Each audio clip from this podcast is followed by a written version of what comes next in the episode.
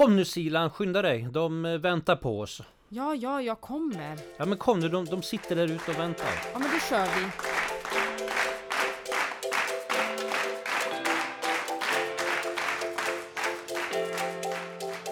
Välkommen till ännu ett avsnitt av Ledarens perspektiv.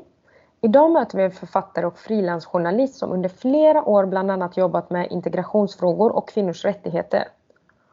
Hon har fått flera priser och utmärkelser för sitt arbete och engagemang. Idag jobbar hon som generalsekreterare på stiftelsen Berättarministeriet som hon grundade 2011. Välkommen hit Dilsa Demirbag Sten. Tack! Jag har med mig som vanligt Mikael Mattsson från Gaia Leadership. Hej Mikael! Hej hej! Och Dilsa, eh, vi spelar in det här eh, avsnittet digitalt. Men var möter vi dig idag? Och det är alltid roligt att fråga så här, vad sitter du med just nu? Jag sitter på Berättarministeriets kansli i Stockholm och vi sitter i själva observatoriet i Observatorielunden på Drottninggatan 120. Så det är en, en fantastisk miljö på alla sätt men än mer ljuvlig kanske nu när det är lummigt och grönt här utanför och denna fantastiska sommardag här i Stockholm. Där sitter jag. Och berätta lite om eh, Berättarministeriet och ert jobb. Var, varför grundades det och vad är det ni gör? Just det. Berättarministeriet grundades utifrån en analys som nu är verklighet, men den analysen påbörjades i början på 2000-talet, kanske redan slutet på 90-talet, om att vi gick mot en ganska osäker finansiell marknad med framförallt stora skillnader, ekonomiska skillnader och en politisk osäkerhet som tillkommer med det. Och därefter fick vi ju finanskrisen 2008 och så sitter vi där vi sitter nu med det politiska läget också, inte bara i Sverige utan i hela den så kallade fria världen. Och då kände vi var några stycken, och det var Sven Hagström och Robert Weil också som ju medgrundare till Berättarmyndigheten, att vi ville göra något. Och ju mer vi diskuterade frågan så landade vi i skolan och utbildningsväsendet som demokratins ryggrad, att där skulle vi kunna göra nytta och vara med att stötta professionen, det vill säga lärarna först och främst, ehm, och eh, stärka deras, ehm, deras mandat och uppdrag som de har att utbilda och bilda nästa generation samhällsmedborgare. Så därför finns Berättarministeriet. Och vad vi gör då, det är helt enkelt skolprogram som lärarna använder sig av under den dagliga undervisningen. Så man kan säga att det är en kombination av en gestaltande miljö, eh, läromedelsförlag och eh, lärarfortbildningsverksamhet. Men vårt uppdrag är att stötta de skolor i de mest utsatta områdena. Så vi, har, vi samarbetar med ungefär 120 skolor i Sverige. Och det här var ju en idé som ni hade med tanke och ni tänkte att här finns det ett behov. Ja. Hur var det att börja med det här? Var det som du förväntade dig eller var det lättare, svårare? För det är ändå en stor uppgift. Ja, det är en stor uppgift. Man kan tycka att det är lite släng av ett lite för stor uppgift, alltså en släng av hybris. Men så här, det är min övertygelse att det är människor som förändrar. Och ibland är det rent av bra att komma utifrån. Vi visste egentligen inte så här jättemycket om hur det skulle gå. Och jag kan säga att vissa saker har varit mycket svårare än vad jag trodde, andra saker har varit mycket lättare än vad jag trodde.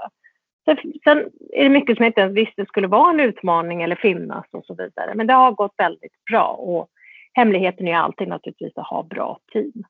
Du, du pratar om, om eh, en viktig drivkraft i att hävda demokratin, värna, utveckla demokratin. Mm. Mm. Vill du utveckla det där lite? Alltså vi har ju turen, både turen att vara födda under en otroligt liten kort period som är 70 år av mänsklighetens historia där vi lever i en liberal demokrati. Och när jag använder begreppet liberal demokrati så menar jag inte tidigare Folkpartiet eller partiet Liberalerna, inte partipolitik så att säga, utan det är en liksom benämning på vad den fria världen är, det är liberala demokratier. Så vi som medverkar i den här podden nu, vi har den fantastiska turen att födas under den perioden liberal demokrati existerar. Men också medveten om att det är en väldigt liten del av världen som existerar under liberal demokrati. Så eh, jag som flyktingbarn och jag tänker att Robert är ju judisk flyktingbarn och Sven Hagström är allmänt en upplysningsperson som förstår vikten av framförallt yttrandefrihet och så vidare. Vi kände att demokratin är hotad eh, och vi behöver vara handlingskraftiga och som ni vet så är ju de två entreprenörer och väldigt framgångsrika sådana, eller finansmän. Men de är också stora demokrativänner som vurmar om det samhälle som vi har idag. Så den drivkraften finns hos oss alla tre och som sagt i början var det inte givet att det skulle bli något berättarministerium som sysslar med skolan och lärarfortbildningar, ehm, för ingen av oss är pedagoger på något sätt.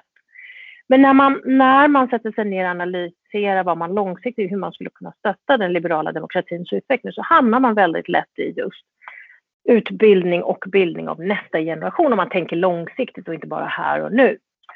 Så vi kände att okej, okay, och, den svenska skolans utmaning är väl vedertagen med allt ifrån lärarbrist till, till att den inte längre är jämlik och uppfyller sitt kompensatoriska uppdrag. Så vi är ju lika trygga, eh, alltså vår demokrati är lika trygg som den minst informerade medborgaren kan man säga.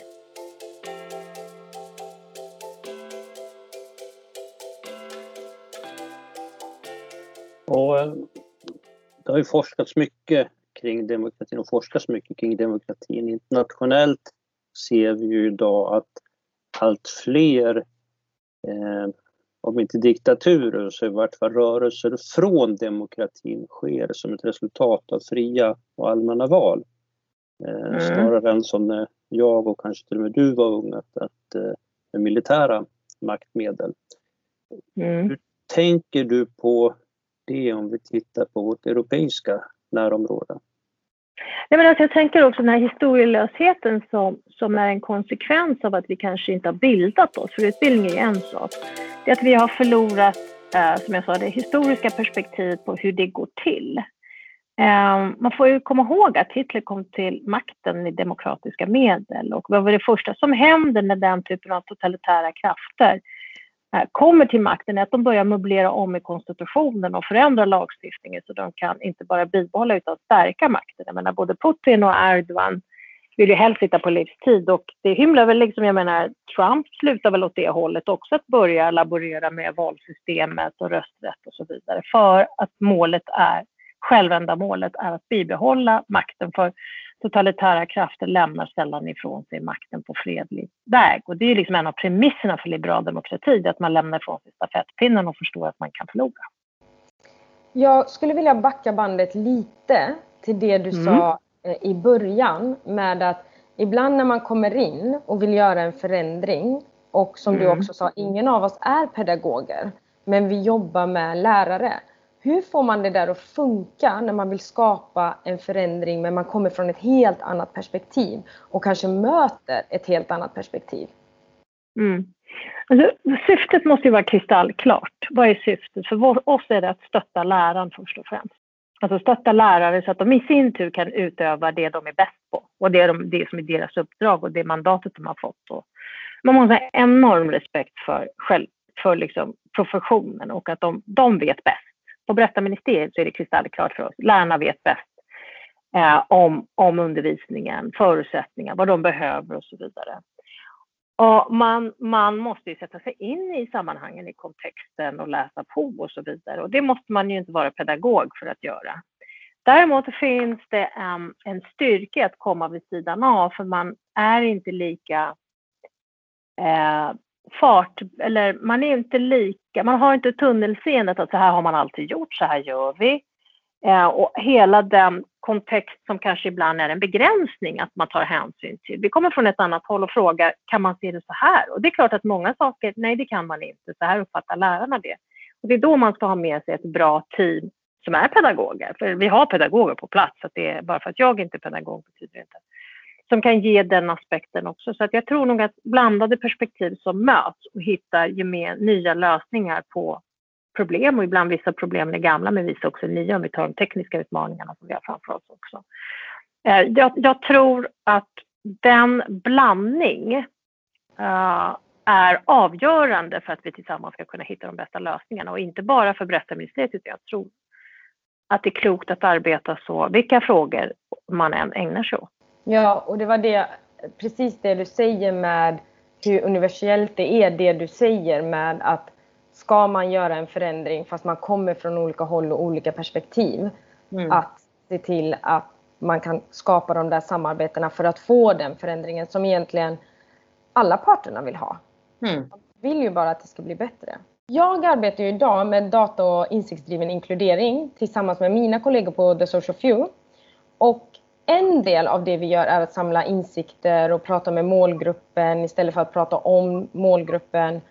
Och den här podden handlar ju om ledarskap, ledarens perspektiv och även framtidens ledarskap.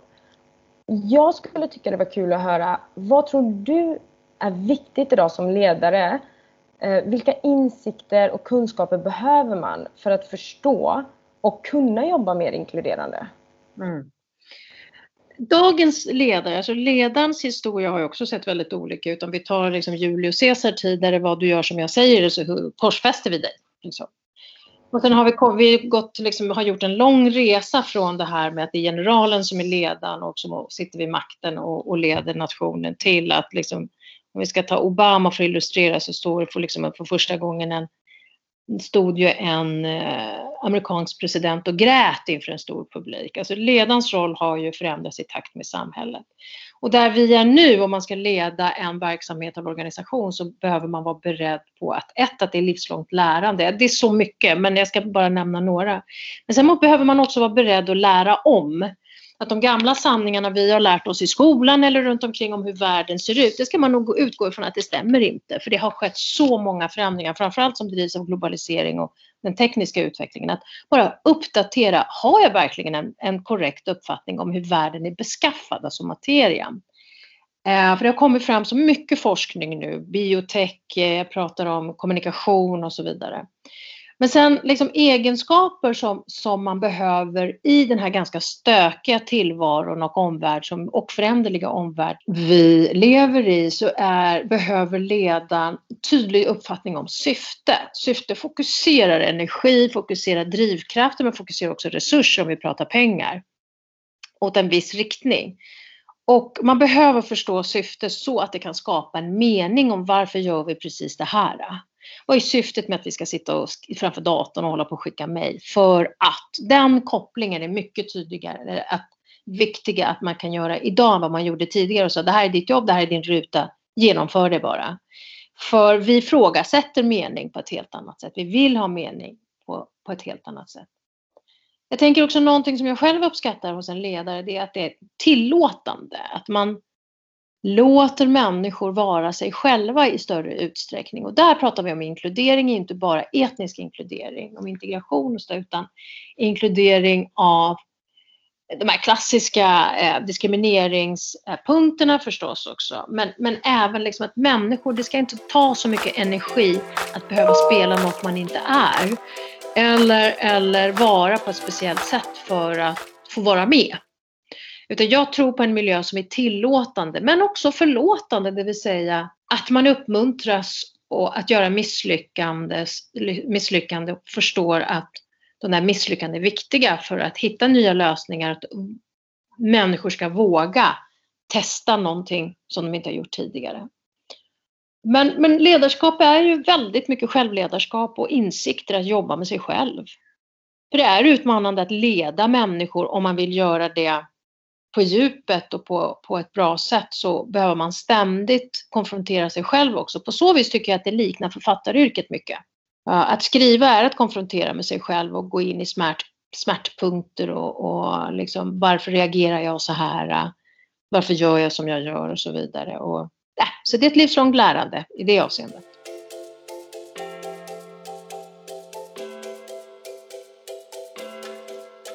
Och, och jag, jag, jag, om man får uttrycka mig så, gillar verkligen ditt sätt att resonera och tänka. Och jag fäster mig bland annat med ditt resonemang om tillåtande och förlåtande mm. ledarskap. Mm. Om du översätter det på dig själv. Mm. Eh, va, när du tittar tillbaks på, på din egen resa. Mm. Vad kan du idag i efterhand se att det här var viktigt att jag förlät mig själv, att jag lät mig gå vidare till nya insikter. Alltså vikten av att misslyckas snabbt, den, den har jag behövt jobba med. Eh, förstår teorin bakom den och så vidare och jag har blivit mycket, mycket bättre skulle jag säga. Men det var någonting verkligen jag behövde jobba med. Att misslyckas var en sak, men att inte stanna i den energin. Eh, utan att förstå att ge mig själv möjligheten att gå vidare snabbare inte, alltså, emotionellt gå vidare, inte tekniskt bara gå vidare och glömma Mm. bort, inte det, utan att bejaka misslyckandet, inte förneka den, för då kommer den, på, den kommer knacka i ryggen med ränta. Utan att bejaka den och säga enough, och nu går vi vidare och släppa den. Den tror jag är en stor lärdom för, mig, för egen del. Sen är ju, alltså när jag säger en förlåtande ledarskap, det finns ju vissa saker som bara inte kan förlåtas. Alltså vi har våra värderingar, hur vi behandlar människor till exempel. Hur vi möter barnen och det är ju avtalsbrott om man strider mot den i våra kontrakt och det är ju en del av våra etiska riktlinjer. Så det finns ju saker som man kanske, kanske kan få göra någon gång, knappt det. Sen finns det Mm. andra saker, men det mesta på en, verk, i, på en arbetsplats är ju inte de här stora grava problemen utan det är att människor känner att man inte får misslyckas i det lilla ens. Och där tror jag att det är viktigt att vara tillåtande. Och där tycker jag nog att komma ifrån kultursektorn har hjälpt mig i mitt ledarskap att vara så här, vi är alla människor, sånt händer. Att man har den approachen, den mänskligare approach känner jag. Det där är väl också mycket kopplat till att vi som ledare blir uthålliga, hållbara, att vi, vi överlever över tid så att säga. Mm. Hur, hur, hur tänker du kring vad som är väsentligt för att vi som ledare ska hålla över tid? Uh, jag tror på förmågan att ta ett steg ut. Um, att vara, inte att vara sval inför sitt uppdrag, för det, utan att kunna pendla mellan att vara mitt och i den intensitet, för den intensitet har en viss energi, den är ganska exekutiv också för många. Eh, när folk brinner för saker och. Men det är jätteviktigt att det kan vara i arbetstid, men det är inte alltid bara arbetstid, utan mentalt också kunna ta ett steg tillbaka och se, men vad är det som händer egentligen? Och det handlar inte bara om liksom hålla sig själv eh, på en sund nivå, utan det handlar faktiskt om att fatta rätt beslut. Uh, en klok person, jag, har ju, jag, har ju, jag är djupt imponerad av Mia Brunell Lifors som nu är koncernchef på Axel Johnson-koncernen. Och jag bad för länge sedan om ett möte med henne och frågade henne hur hon såg på ledarskap, för jag beundrade henne på håll. Och hon, och så, naturligtvis så typiskt henne då, och bara självklart tar jag ett möte, för det är liksom en del av hennes sätt att vara, att hon är väldigt generös. Då frågade henne, hur håller du huvudet så kallt när du sitter som VD på Kinnvik? Alltså det är ju inte leka med hur många misstag man kan göra. Då sa hon något så otroligt enkelt. Hon sa, jag tänker så här. Måste jag fatta beslutet idag? Ja, alla tycker att jag ska fatta beslutet idag. Men i slutändan, är det någon som kommer att dö? Nej, då väntar jag tills imorgon. Och jag gillade liksom också att hon satte det beslutet i proportion till döden. Alltså det var ju, naturligtvis var det bara illustrativt när hon sa det, men på något sätt så blir det så också förgängligt, så man får ett perspektiv. Ja, just det. Vad är det yttersta? Det är ju faktiskt döden. Och Astrid Lindgren och hennes systrar började ju alla samtal med döden, döden, döden, för då allt hamnar ju i skuggan av det och då blir man lite coolare. Man tänker, jag måste inte stressa sönder det här beslutet eller det här, utan låt oss ta ett steg tillbaka och tänka efter. Så det skapar ju en distans men också ger utrymme för en eftertänksamhet. Och den tror jag är viktig, så, såväl när det gäller arbetstid, till beslut man fattar och vad man ska genomföra men också till hur man förhåller sig till hur andra agerar. För att det du berättar om nu, för mig låter fantastiskt och det var jättebra att få den där insikten av någon annan, för ibland behöver man ju det. Men då är jag nyfiken, hur gör du för att smitta av med ditt ledarskap till andra som du leder? Har du någon tanke eller något sätt som du gör det på? Jag sitter inte och tänker så här, hur ska jag smitta av min ledarskap på andra? Men där är jag mån om att alla andra känner att de delar ledarskapet med mig.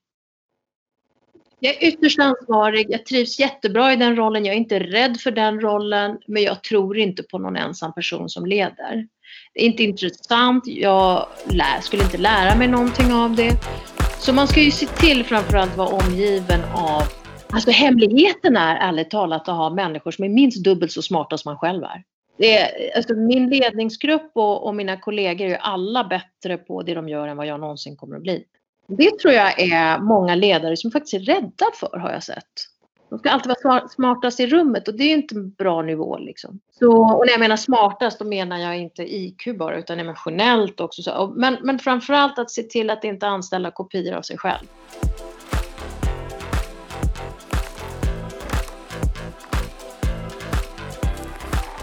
Vad händer med ditt team när du har den här när du har det här mindsetet av att alla ska leda tillsammans med mig?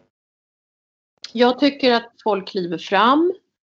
Eh, de leder och leder ibland på ett annat sätt och det får man ju också som ledare hantera och, och liksom kommer man ju fram till att det finns andra sätt att göra det. Huvudsaken är att det görs med de värderingar som vi syftar till att göra, alltså vårt uppdrag. Och att, att eh, olika personer, för vi är väldigt olika till exempel i ledningsgruppen. Eh, har man den här tillåtande kulturen så vågar folk vara annorlunda och vågar föreslå andra kritiska möjligheter till lösningar och sätt att jobba. Jag tycker att, att alltså jag, jag har hittills inte stött på i alla fall, jag, jag måste fundera i sådana fall, på någon som inte tar lid. Alltså de flesta tar lid och kliver fram ett steg. Jag har fått jobba på mig själv att inte ha svaret på allt. Mm. Det faller ju på mig och inte på andra. Jag menar, tidigare var så, kom man med mig med ett problem, då var det liksom nästan i mitt DNA att jag måste ge en lösning, för jag är problemlösare. Och där det går ju stick i stäv med det ledarskapet som jag ville ha, nämligen att man ställer frågan, vad tycker du? Jag vet inte, jag tror att du löser det här.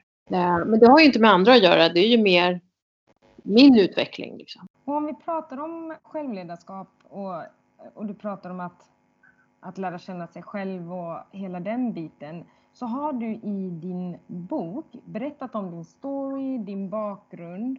Mm. Ehm, du beskriver hur du också har skrivit den för dina barn.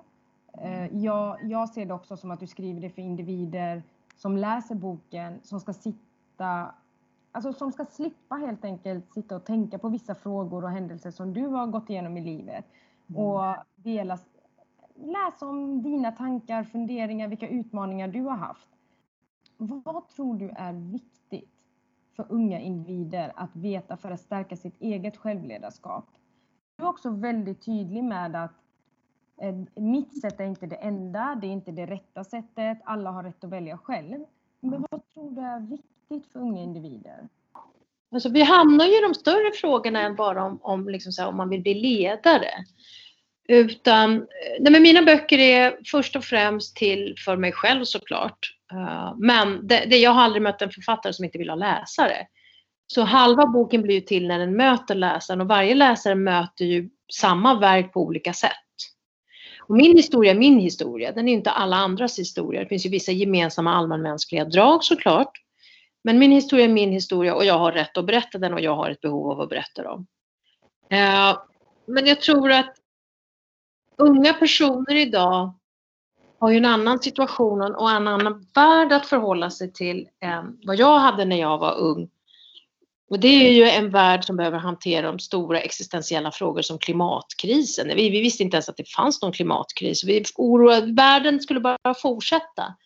Men dagens ungdom ser ju en ändlighet på tillvaron på ett annat sätt.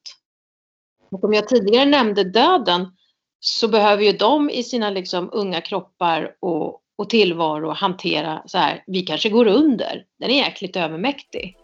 Och där tänker jag att min, min, min eh, om man skulle vilja skicka med till unga personer, det, är, det måste inte vara så. Uh, det måste inte vara så att allt är på väg att gå åt helvete, utan att ge dem självförtroende men också styrkan att det blir bra. Liksom. Utan att säga att det inte finns några utmaningar. Men eh, världen kanske inte är på väg att gå under. Det finns fortfarande mycket att göra för att rädda världen. Och du är en viktig del i det hela. Så gå till handling skulle jag säga. Jag tycker att mod är den, den, den absolut viktigaste och starkaste egenskapen. Och mod, då menar jag inte att stå längst fram utan modet att gå utanför sin comfort zone. Modet att säga det som är obekvämt. Modet att agera på det man vill vara och så vidare. Att, att stärka sitt eget mod och tro på den egna handlingskraften. Sen kommer det andra erfarenheter som man får hantera då.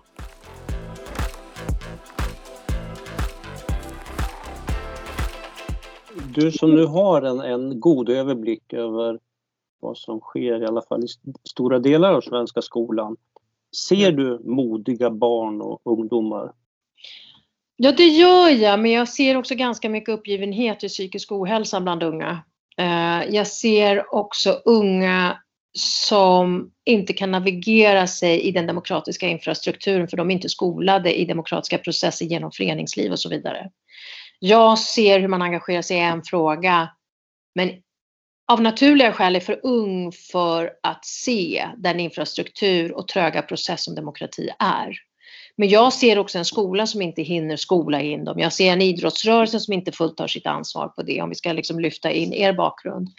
Jag ser en, ett föreningsliv som är försvagat och inte riktigt hinner ställa om och hjälpa oss att fostra nästa generation demokratiska varelser.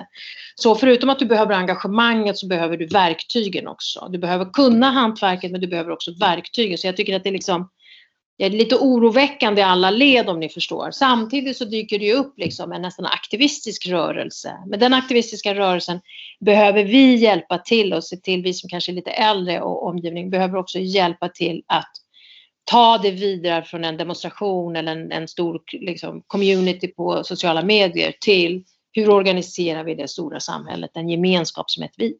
Om vi översätter det här till, till näringsliv och, och företagande och ledarskap i den typen av strukturer.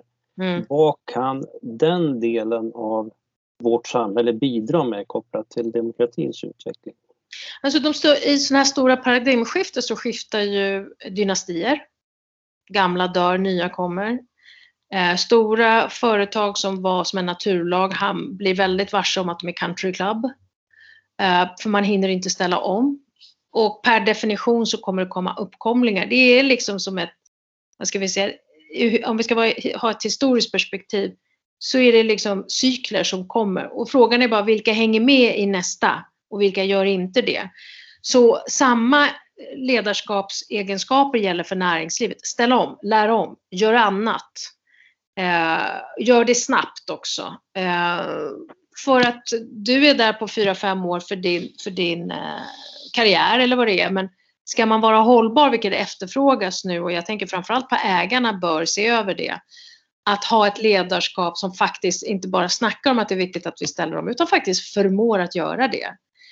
Och jag tänker att det är inte bara näringslivet som, som behöver hantera det här eh, utan framförallt våra liksom, offentliga institutioner med demokratiskt uppdrag.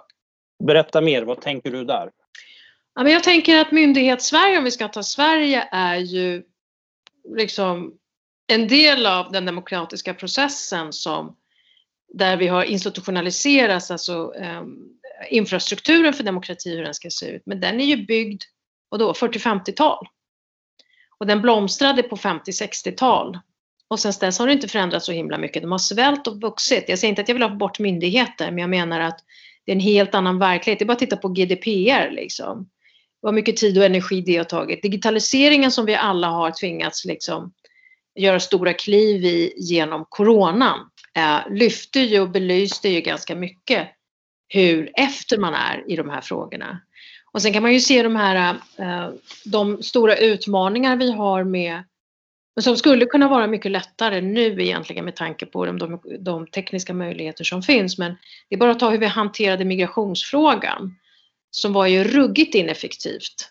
Eh, kostade pengar men framförallt mycket lidande. Klimatomställningen, kan ta ett exempel där.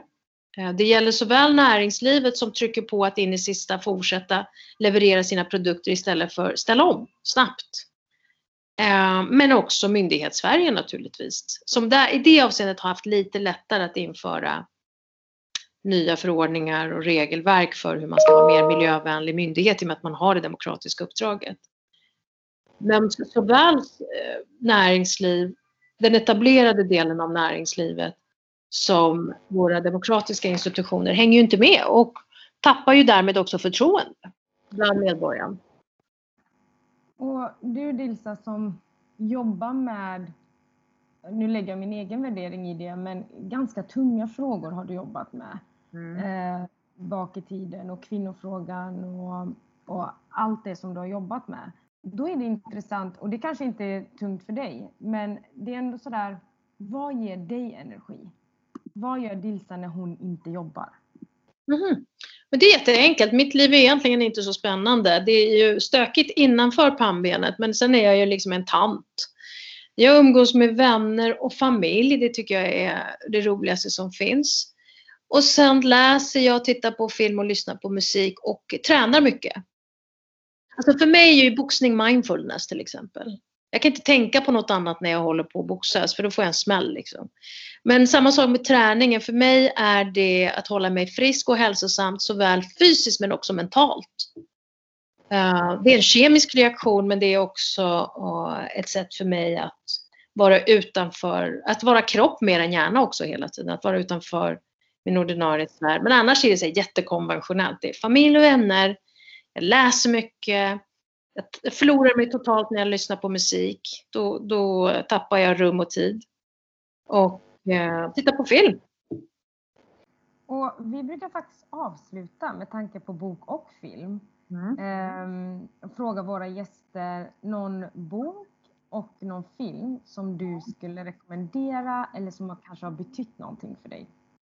Och genom senast eller genom all tid? Du får välja. Det är det som är det oh, Vad jobbigt det blev. Du vet, man kan inte hålla på och välja mellan sina älsklingar.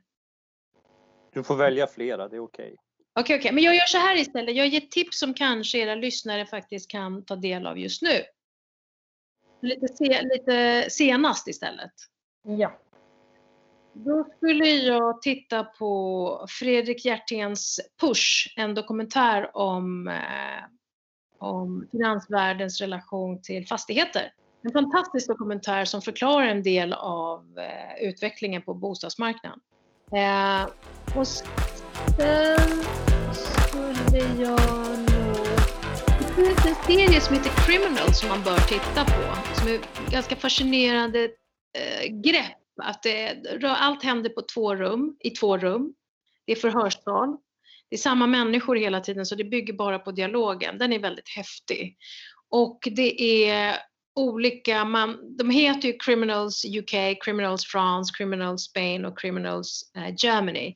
Så är det liksom länder, de olika, liksom olika regissörer och skådisar respektive länder som, som gör sin take på, på, eh, i serien. Det är väldigt fascinerande att se.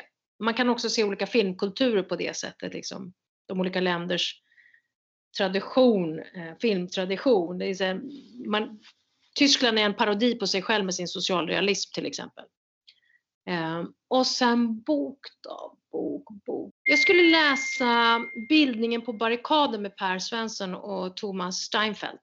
Eh, då får man en ganska bra, eh, intressant eh, exposé av, av bildningsidealet och dess utveckling Lite historiskt förstås, men framförallt med fokus på de senaste 40-50 åren. Tack så mycket. Tack Ilsa för att du ville vara med i vår podd idag. Um, har du som lyssnare några tankar, funderingar eller någon direkt fråga så hittar ni mig och Mikael lite överallt på sociala medier. Tack Ilsa. Tack själv. Tack så mycket. Tack.